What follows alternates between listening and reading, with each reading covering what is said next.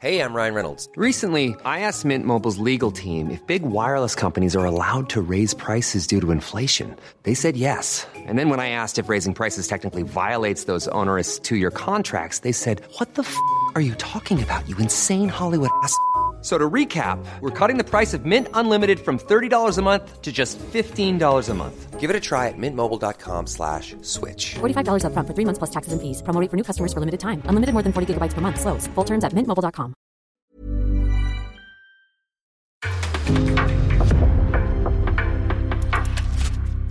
En podcast från Aftonbladet. Jag har skaffat fem barn. Kommer vi få göra det i framtiden? Eller ska jordklotet införa enbarnspolitik för att rädda klimatet?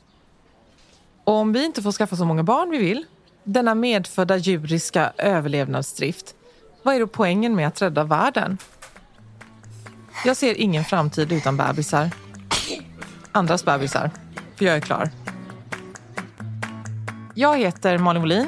Jag är journalist och författare. I den här poddserien Malin blir en bättre människa så bjuder jag in gäster som ska berätta för mig och för er hur vi förhåller oss till klimathotet och blir bättre människor. I det här avsnittet ska jag träffa klimatjournalisten och författaren Jonathan Jeppsson och prata med honom om vikten av att inte ha hopp och om vi ska se framåt eller bara ge upp. Du har ju skrivit boken Åtta steg mot avgrunden.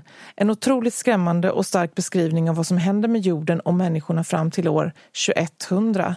Så då undrar jag, hur kul är du på fest? Jag tillhör väl den introverta eh, delen av befolkningen. Så jag kan nog vara kul på tu man hand. Men jag, jag kan inte så kul i ett större sammanhang. Jag gillar inte att mingla. Det gör jag inte. Nej. Nej. Men när du, om du är på fest eller i ett större sammanhang eller med andra människor, på en middag eller vad vet jag. Polisar du människor då? Nej, det gör jag inte. Och jag, bara för att jag har skrivit den här boken som är, är jättedyster och jättehemsk så betyder inte det, tycker jag, att vi för alltid liksom måste sjunka ner i, i meningslöshet och dysterhet.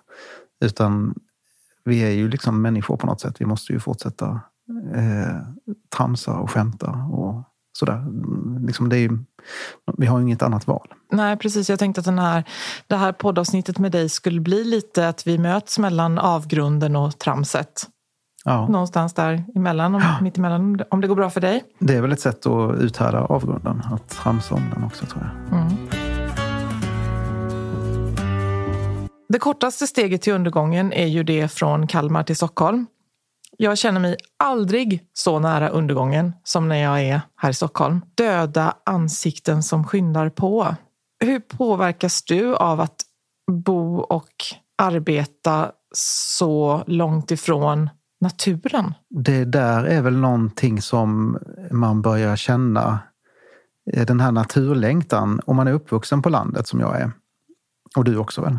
Ja, så ligger det ju liksom eh, väldigt djupt i en att, att, eh, att man har en längtan till naturen. Eh, det kanske man har oavsett, men, men jag, under lång tid så ville jag ju bara bort från landet eh, och liksom längtade till Stockholm och sådär. Eh, nu har väl de, den längtan på något sätt eh, återvänt till, eller liksom vänts i att jag allt mer vill ut i naturen.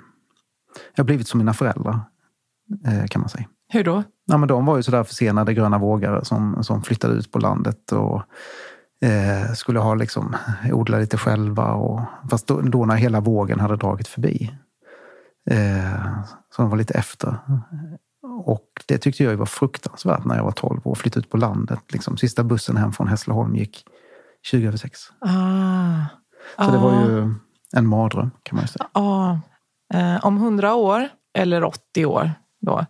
Eh, kan man tänka sig att eh, du eh, sitter på ett litet, vid ett litet torp och har stängsel runt omkring och beväpnat dig och, har eh, självförsörjning? Jag lever ju inte om 80 år men, men Just det. Eh, nja, det där är ju en jättesvår fråga. Hur, hur kommer kollapsen att se ut? Eh, för just nu det, finns det ju ingenting som tyder på att vi inte närmar oss alltså någon form av kollaps. Eh, alla våra liksom ekosystem är tända till eh, maxgräns. Eh, klimatförändringen som det ser ut just nu kommer inte gå, kunna liksom gå och stoppa, möjligtvis bromsa. Så då är frågan, kommer det bli liksom en små, eh, en sakt, ett sluttande plan av små, små kollapser som, som till slut kommer liksom, eller blir det en större händelse som får oss att jag har valt att inte liksom gå för djupt in i det där för, för att det är så fruktansvärt svårt att säga om. Alltså hur det, hur det kommer att, det, det handlar ju helt om hur de här olika ekonomiska och klimatkollapserna, hur de samverkar på något sätt. Och det är så extremt svårt. Vad man, så liksom, om man sen hamnar, alltså om vi då sen hamnar i någon sorts the road, alltså vägen-scenario eller Mad Max eller, eller liksom bara att vi, vi sakta planar ut. Det är jättesvårt att säga. The Road, är det den här ja, det var väl en bok först antar jag som hette, antar jag, Vägen på svenska. Och så mm. blev det en film med Viggo Mortensen och någon pöjk. Stämmer ja, det? Ja. Jag, eh, Joakim, eh, min sambo, då, han har förbjudit mig att se den. För att han såg den när den kom för kanske jag vet inte, 15 år sedan eller någonting. Och han, ibland kan han bara säga att, eller att han, han kan liksom bara börja tänka på scener ur den och må dåligt. Och, och sån, sån kultur kanske man inte ska utsätta sig för om man, om man vet det på förhand. Om man har någon som kan varna ändå. Ja, så, så, nu, så nu vet ju inte jag vad du pratar om då ju, utan jag, jag vill bara säga det att jag blivit varnad för den så jag kan inte relatera till det. Men, ehm, men det låter ju inte bra. Nej, det låter inte bra och den, eh, de, den är hemsk. Den är jättehemsk. Men den, den är samtidigt väldigt stark för den, den, eh, den handlar ju om liksom ett postapokalyptiskt landskap där liksom en pappa och en son går fram och det är, liksom, det är verkligen där beväpnade gäng stryker längs vägarna, nästan alla människor är borta och det är liksom, naturen är totalt i olag. Eh, men de starkaste scenerna där är ju liksom egentligen när, när det kommer små glimtar av, av hur det en gång var. När de sitter på en klassisk konsert till exempel och lyssna på musik. Det bara glimtar till i en drömsekvens och då känner, då känner man ibland så här, ah, de där glimtarna, det, det, är det vi upplever nu. När man sitter i en teatersalong och det sålas lite och sådär och så plötsligt så är de tillbaks i den här verkligheten. Är det hopp kanske som man känner då när man minns hur det en gång var? Kan man känna hopp då? Nej, alltså det, det jag tror de känner, liksom, eller det, det som är då eh, avspeglas i i filmen är ju liksom att, att eh, hur kunde vi vara så naiva att vi trodde att det här var för evigt? Mm. Och det är väl det som är liksom essensen i min bok, liksom att det här, det här är ett, det som vi är inne i nu, som vi tror ska vara för evigt. Det, finns, det kan, kan kanske komma någonting som, som liksom helt förändrar spelplanen, men just nu finns det ingen som, ingenting som tyder på det. Varför bryr du dig om klimatfrågan? Jag har ju alltid haft ett, liksom, ett miljöintresse var det väl förr i tiden. Och sen så började jag, jag snöade helt in på det som kallas för peak oil, alltså oljeproduktionstoppen för kanske 20 år sedan. Började läsa jättemycket om det. Eh, och jag har väl en viss dragning också åt det här, liksom, lite som Muminpappan. Han, han lever ju upp när, när det vankas en stor katastrof. Då känner ju han att han lever på riktigt.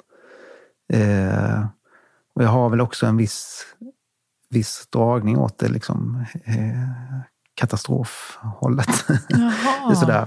Men eh, sen så, och då skulle det komma en oljeproduktionstopp liksom, sådär, som skulle förändra allt. Och sen gjorde det ju inte det. Så då började jag liksom gå in i, i mer i, i klimatfrågan och liksom började se hur allt det som forskare och politiker sa, jag liksom fick inte ihop det med verkligheten på något sätt. Och så började jag göra lite reportage om klimatfrågan. Just liksom, hur är det, alltså, kan de åtgärder som vi nu har på bordet, kan de göra någonting åt klimatfrågan? Nej, det kunde de ju inte. Eh, och jag började höra saker i forskarnas röster som att ja, men vi kommer förlora sommarisen på Arktis. Det är bara en tidsfråga. Och så började jag kolla, ja, men vad får det för konsekvenser? Det får ju helt fruktansvärda konsekvenser. Och så började jag liksom gå igenom område efter område och insåg att ja, men liksom regnskogen är på gränsen till en tipping point. Ja, vad får det för konsekvenser? Ja, det får helt bisarra konsekvenser. Så det var lite grann så jag började närma mig det. Men hur gör då du och Muminpappan för att komma upp ur sängen på morgnarna undrar man ju då? Men jag tror så här att jag tror inte att man egentligen mår sämre av att veta hur det är. Jag tror att det, det är mycket, det är ju som ett förhållande ungefär. Liksom. när man anar att det är någonting som inte stämmer. Man kan inte riktigt sätta på fingret eh, vad det är. Det är en obehaglig känsla. Men när man vet hur någonting ligger till, även om det, det kanske är något jättejobbigt, liksom, då är det en, en bättre känsla. För då, då, har man ju, då kan man göra någonting åt det. Eller i alla fall försöka göra någonting åt det.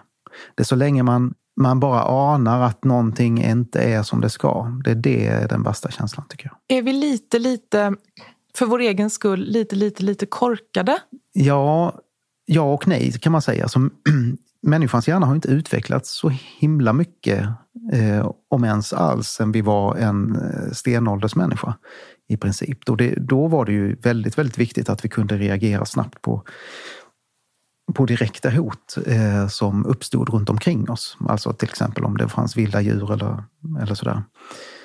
Eh, vi behövde inte tänka på så himla mycket på framtiden eller på, ens mer än några dagar framåt. Sen har vi ju har vi fått hela den här förfiningen som, som de fossila bränslena har liksom bidragit med. Att vi, vi nu kan tänka längre fram. Vi har skapat oss en, liksom, en tät väv av filosofi och, och politisk vetenskap och allting som gör att vi kan se långsiktigt. Men ändå är det som att det inte riktigt har gått in i oss att vi måste agera. Vi kan, kan göra det när det kommer väldigt konkreta hot som corona till exempel. Eh, det är ju liksom vår tids tiger på savannen. Mm. Eh, Titta då, vad vi kunde. Ja, då reagerar vi jättesnabbt. Världen stängs ner, vi sänker våra utsläpp med 7 precis vad som krävdes. Det var ju en bieffekt i och för sig. Men för klimathotet är det som att det inte riktigt, det går liksom inte in. Det gör inte det. Men är det inte jättebesynnerligt? Är det inte jätte, jätte, jättekonstigt? Jo, det är konstigt. Ja, det är det. Då är vi överens om det. I din bok så läser jag som för många andra blev vardagen ett berg av sysslor att klättra över varje dag. Sällan skådade jag horisonten. Och det, det var nästan det jag tog mest till mig, höll jag på att säga. Eller det var där det fanns som allra mest igenkänning. För jag tycker att jag har ett lätt liv och ändå så tycker jag att det nästan blir övermäktigt. Själva, själva dag till dag-livet. Och att då på ett privat plan försöka rädda jordklotet, det hinner jag inte riktigt med. Och jag vet inte hur någon annan ska hinna med det heller. Är det rätt tolkat? Och för, är du med på hur jag tänker och känner? Ja, alltså absolut. Och så var det ju för mig också. Jag hade tre små barn liksom, eh, under en period och eh, då krymper horisonten, eller då finns inte, horisonten utraderas på något sätt. Eh, det är väldigt svårt att liksom hålla, alltså när, när det hela tiden blir liksom att man ska klara dagens, göra middag och lägga barnen och sådär, ja men då blir liksom, det blir det som blir ens liv. På något sätt så är det. Det är väldigt svårt att rädda klimatet samtidigt. Mm. Man kan få ångest för så otroligt små saker som att bara ett samtal man tycker är lite jobbigt men som man måste fixa. Och att därifrån då till att försöka göra någon slags skillnad globalt. Det är inte, det är inte konstigt att man råkar skita i klimatet lite då och då. Nej, men varje människa ska ju inte göra någonting globalt. Varje människa ska göra det den kan göra. Mm. Och jag tror ju så att när man inser liksom klimatfrågans eh, fulla vidd och hur den kommer påverka våra just barn och barnbarn och barnbarnsbarn när man börjar tänka så, så blir saker som man, som man normalt sett bara, bara gör, eh, för att alla andra gör det, eh, de börjar bli mer och mer svår. Alltså man märker det sakta, ska jag verkligen göra det här? Ska jag liksom... Ska jag, det är som med allemansrätten på något sätt till slut. Att eh, man slänger inte ett batteri i skogen. Fast det lilla batteriet, det är ju skitsamma liksom, om det ligger där i skogen. Det kommer inte göra någon skada. Men man gör inte det. Varför gör man inte det? Därför att det är fel helt enkelt. Och så börjar man tänka, om man liksom börjar omfatta klimatet också i allemansrätten, då börjar man ju plötsligt tänka på ett helt annat sätt. Jag kan inte släppa ut koldioxid här. Och gör man det ibland så får man dåligt samvete liksom, när man kör bil eller sådär. Då är man på rätt väg och då är det inte svårt. För då blir det liksom en, en eh, grej som man gör av sig självt. Men jag har ju då fem barn. Mm. Kommer vi få skaffa hur många barn vi vill i framtiden? Barn är ju det absolut mest skadliga för klimatet man kan åstadkomma så att säga. Det är ju mycket, mycket Man har väl gjort mätningar på det. det nu har inte jag de siffrorna i huvudet, men, men liksom med tanke på hur, hur mycket eh, utsläpp ett barn genererar, till exempel jämfört med en bil, så är det liksom skyhöga skillnader. Um, så nej, ja, alltså det, men det är ju samtidigt väldigt svårt. Och vi kan ju inte ha ett samhälle där man förbjuder människor att skaffa barn. Det är, ju, det är ju väldigt svårt. Sen kan man kanske styra det med olika instrument. Man skulle kunna avskaffa flerbarnstillägget till exempel. Det hade väl varit en, ett styrmedel.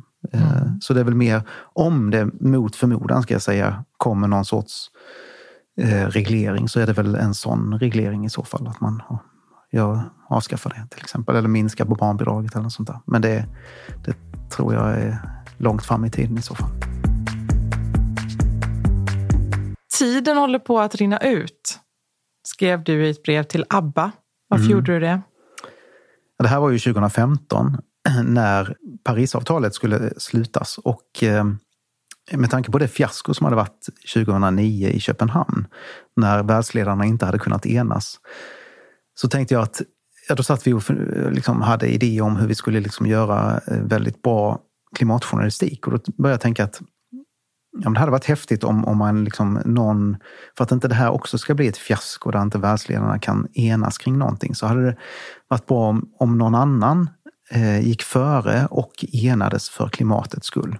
Och eh, då slog det mig att ABBA skulle kunna liksom återförenas för att visa hur man gör en till synes omöjlig återförening möjlig. Och eh, då att de skulle göra en konsert. Så det, det föreslog jag för Björn och Benny. Skrev ett brev som tog veckor att formulera för att jag ville få allting rätt. Och, sådär. Mm. och de svarade? De tackade artigt för det vänliga brevet. Eh, och, eh, men trodde inte att en återförening skulle liksom kunna påverka världsledarna i den här frågan. Så i ljuset av det, vilket betyg ger du deras nya skiva? Eh, jag tyckte de två, två första singlarna var jättebra faktiskt. Sen blev jag lite besviken på resten. I en intervju i Aftonbladet i juni i år så svarade du på frågan om varför du vill att vi ska tappa hoppet. Du säger, därför att hoppet trubbar av vår krisinsikt, den enskilt viktigaste drivkraften till förändring. Hoppet får oss att tro att det vi hoppas på är fullt möjligt, även om chansen är minimal. Detta hindrar oss från att göra det som är nödvändigt. Och det går ju helt på tvärs då med det som åtta klimatforskare skrev på DN Debatt nu i höstas. De sa, sprid inte bilden av att det är för sent att rädda klimatet. Och då undrar jag om du kan utveckla på vilket sätt det är bra att inte ha hopp? Ja, det kan jag göra. Eh, hopp måste ju bygga på någonting. Man kan inte bara ha hopp rakt ut i luften. eh, för då blir, det liksom, då blir det någon sorts religiös tro. Alltså, om inte hoppet har ett rotsystem så vissnar det rätt snabbt. Eh, och det är det jag menar med att vi måste ha skäl att hoppas innan vi börjar hoppas. Det är liksom som att sitta på ett flygplan och vara på väg i att stöta in i en bergvägg. Då hjälper inte det att, eh, att jag hoppas att flygplanet ska ta en annan kurs. Så länge ingen försöker styra flygplanet i en annan riktning. Och det är det vi håller på med nu. Flygplanet är på väg mot en bergvägg. De åtgärder för att styra flygplanet åt en annan riktning som vi hittills har eh, lagt på bordet, de räcker inte. Eh, och då spelar det ingen roll vad jag hoppas på eller inte, utan då, då eh, blir hoppet, precis som jag var inne på där, det blir någon sorts eh, sövande, eh, liksom, inte drog ska jag inte säga, men det, det är någonting som, som, gör, ja, som gör att vi inte eh, agerar tillräckligt kraftfullt. Och eh, i den meningen är hoppet eh, meningslöst på det sättet. När vi väl har börjat agera tillräckligt kraftfullt och våra åtgärder börjar ge, ge resultat, då ska vi börja känna ett eh, spirande hopp. Men eh, hopp, att känna hopp rakt ut i luften, det gillade jag verkligen, det uttrycket. Eh, och sen, eh, och då, men då undrar jag, tror du på Gud? Alltså jag är nog agnostiker. Jag, eh, jag, jag, tror inte aktivt, alltså, som de flesta kanske är. Liksom egentligen. Jag tror inte aktivt på någonting. Men jag avskriver inte möjligheten att det faktiskt finns någon, ett större system i någon form. Men jag tror inte på det sättet, nej. Men om det finns ett större, om vi är del av någonting större, då, då kanske vi kan sätta vårt hopp till det, menar jag. Om du inte har avskrivit det helt. Ja, då, är det ju vår, då ska vi sätta vår, vår religiösa tro eller vår eh, semi-religiösa tro till det då. Eh, och, men ja, nej, det, det tror jag inte riktigt vi ska göra. Sen finns det ju de som är inne på det här som jag också skriver om i boken, det här med ett Gaia-system, att planeten kanske eh, reglerar det här själv så småningom. Men om det skulle vara så, så tänker ju inte det här större systemet på människan just. Alltså det är ju inte, det är inte människan i centrum. Alltså det, vi måste lämna den här eh, antropocena föreställningen att vi är i centrum i alla sammanhang. Eh, för det är vi inte. Nej. Vad ynkliga vi är i sammanhanget. Ja, och samtidigt kan man ju också säga att liksom, det är ju vi som kan Alltså det är vi som kan se all skönhet. Alltså det är vi som kan liksom formulera all, alltså det vackra med jorden, det fantastiska med liksom biosfären och med, med vilda djuren. Så det är ju en värld utan mänskligt medvetande, eller i alla fall en jord utan mänskligt medvetande, skulle ju också på många sätt vara en fattigare värld. Eh, så är det ju. Förtjänar människan att klara sig? Absolut, det tycker jag. Hur kan du säga absolut när vi har betett oss som vi gör? Ja, eh, men vilka är då vi? Det är ju liksom, den som är fem år idag har ju liksom inte gjort någonting. Eh, alltså den, den generation som växer upp nu är ju faktiskt i stora drag oskyldig till det här. Och för den generationen måste vi göra allt vi kan. Så är det. Och den generationen måste förtjänar absolut att få leva vidare.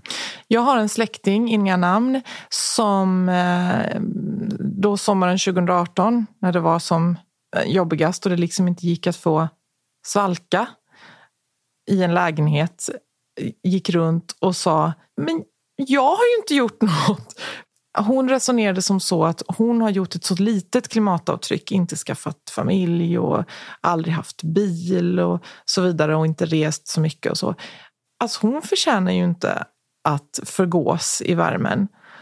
Och då så skrattade jag åt henne, för så funkar det ju inte. För det är precis som i krig och konflikt, att det finns en massa civila offer som eh, är 100% eh, oskyldiga och det är jätteorättvist. Men livet är ju orättvist. Så jag menar, jag synd för dig att du är fem år och inte har varit med och ställt till det. Men nu är det ju som det är. Om man ska se mänskligheten som grupp. Men du tycker absolut att mänskligheten förtjänar att klara sig? Ja, men det där med, med klimatskuld, det är ju jättesvårt att, att, reda ut och räkna ut. Dels finns det liksom historiska skulder som, som liksom löper över generationerna. Alltså där man kan säga att vår generation och tidigare generationer liksom kommer ut, alltså, utöva någon sorts nekrokrati. Alltså vi kommer som, redan när vi är döda styr vi fortfarande livet för kommande generationer. Och det är ju inte rätt naturligtvis. Det är ju liksom fel. Men sen finns ju också liksom de, de rent eh, geografiska. Eh, liksom att, att fortfarande så släpper ju USA ut betydligt mycket mer per capita än, än eh, vad Indien gör till exempel. Alltså det, skulden faller ju extra tungt över de som visste men inte gjorde någonting. Så kan man säga. Och vilka är det? Ja, men det fanns ju rapporter från de stora oljebolagen, till exempel Exxon och sådär redan på 70-talet. Ja, redan på 60-talet fanns det sådana här rapporter som de hade gjort om, om eh, att eh, klimatet kunde påverkas. Och redan, alltså det kom ju ett avslöjande för bara några veckor sedan om att, om att liksom de stora, alltså Saudiarabien och andra länder hade försökt liksom påverka för att få bort det här med att med fossil, eh, man får inte nämna fossila bränslen i IPCC-rapporten och sådär. Så de som vet, de som liksom berikat sig på det här men inte har talat om det, oavsett om det är företag eller stater, på de fall faller ju en extra stor skuld. Men som aldrig kan utkrävas då? Nej, den kan ju inte. Liksom. Det, det är jättesvårt. Och eh, så är det ju med hela den här inbyggda problematiken i det här. Att det är extremt svårt att reglera de här klimatskulderna. Vad är det viktigaste man kan göra som privatperson? Om du, om du skulle säga en sak, det största man kan göra, viktigaste man kan göra?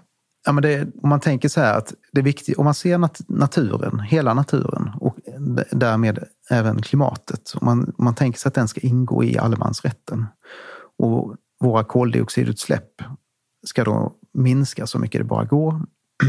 Det är jättesvårt att minimera dem helt. Jag pratade med Greta för ett tag sedan och då hade hon fyllt i en sån här eh, Ja, men det finns ju en massa sån här man, man kan fylla i på nätet om, om eh, liksom, så kan du minska ditt koldioxidutsläpp. Liksom sådär. Ja, det är där man skarvar lite. Ja, precis. Det Neråt. brukar man göra. Mm. Ja. Och då liksom, hon hade fyllt i dem, så berättade hon då. Eh, och då sa hon, jag landade ändå på tre ton per år. Och det gör vi ju för att vi, för att liksom, de utsläpp som samhället släpper ut, alltså med, med vårt, när vi bygger vägar och hus och eh, våra statliga industrier och allt det där och konsumtion och så. Det släpper ut så mycket. Och då kan man ju tänka sig att Greta gör ingenting, eh, eller väldigt, väldigt lite. Hennes ut, ut, eh, avtryck måste vara väldigt litet. Nej, men om man tänker sig att, att eh, vi ser på natur, liksom räkna in koldioxidutsläppen i allemansrätten så handlar det ju om att ja, det är jätteenkelt. Bara minska dina koldioxidutsläpp så mycket det går. Och då ingår ju liksom konsumtion och resande, bilåkande och flygande. Le- Lev ett mi- minimalistiskt liv i, så stor utsträckning som möjligt. Hur kändes det att träffa Greta? Ja, jag har träffat henne ett par gånger. Ja, nu är ju inte det här skrytpodden, Nej. men nej. så, så eh, vi har sett i lite olika sammanhang. Och sådär. Nej, men det, det, ja. Vad slås du av när du pratar med henne? Att hon är väldigt påläst. Väldigt, väldigt påläst är hon.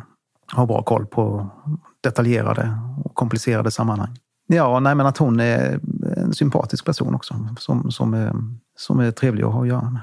Och sen är hon väldigt eh, rak. Det gillar man ju. Ja, gillar man. Vi har då en etanolbil och sen har vi en, eh, en gasbil. Jag vet inte om det finns olika typer av gas. Men alltså biogas, natur, jag vet inte vad det är. En gasbil av något slag. Eh, och det har med barnvagnar att göra och så. Det är inte meningen att vi ska ha två bilar, men ja, jag ska inte fördjupa mig i det. Och så, och så sitter jag och tänker att ah, ska vi ha en sån bil? Som, vad är bäst? Och ska vi köpa det här eller det här? Hela tiden man sitter och gör och, och avvägningar och så. Men vad jag än tänker för mig själv så kommer jag alltid fram till att det bästa vore om vi alla la oss ner och dog.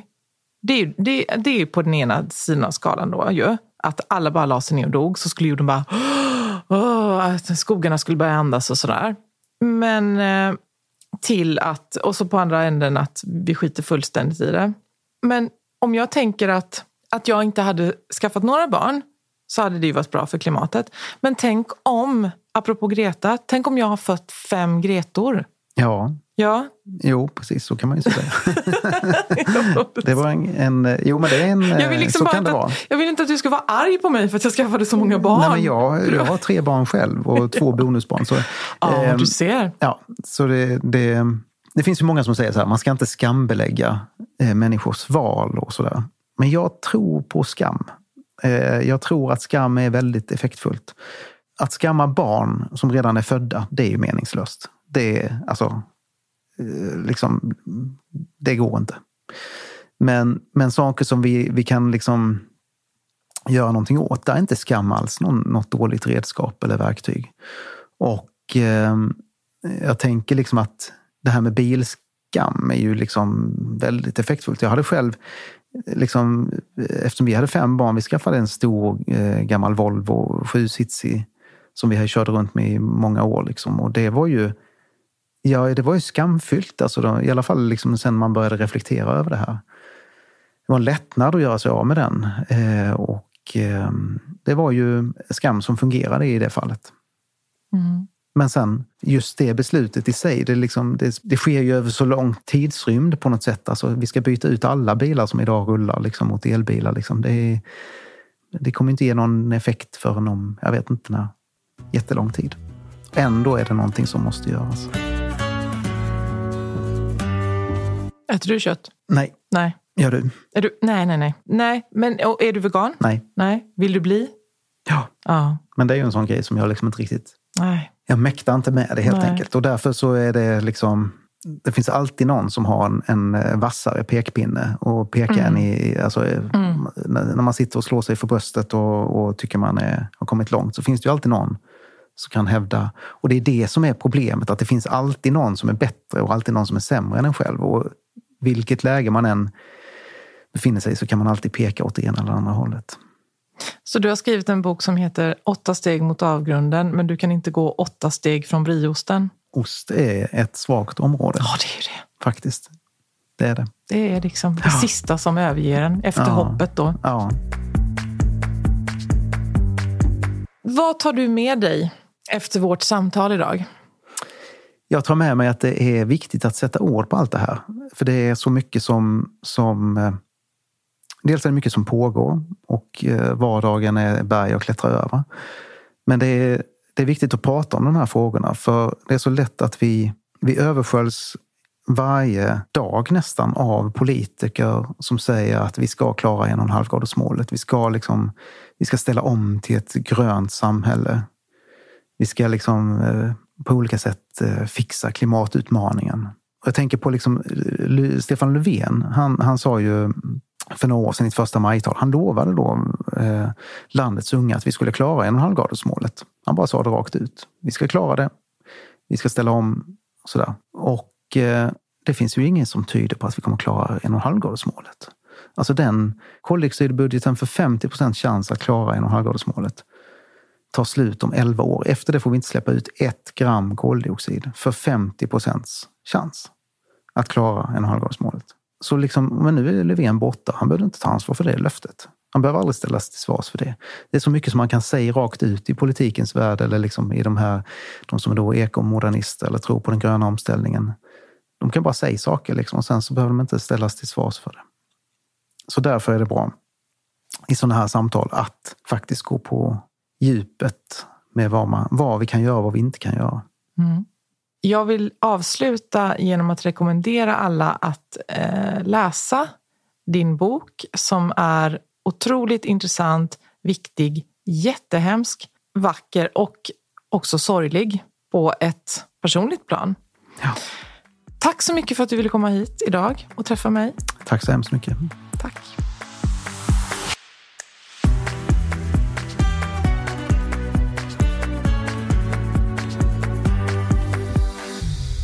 Den här podcasten är gjord av produktionsbolaget Cast för Aftonbladet. Du har lyssnat på en podcast från Aftonbladet. Ansvarig utgivare är Lena K Samuelsson.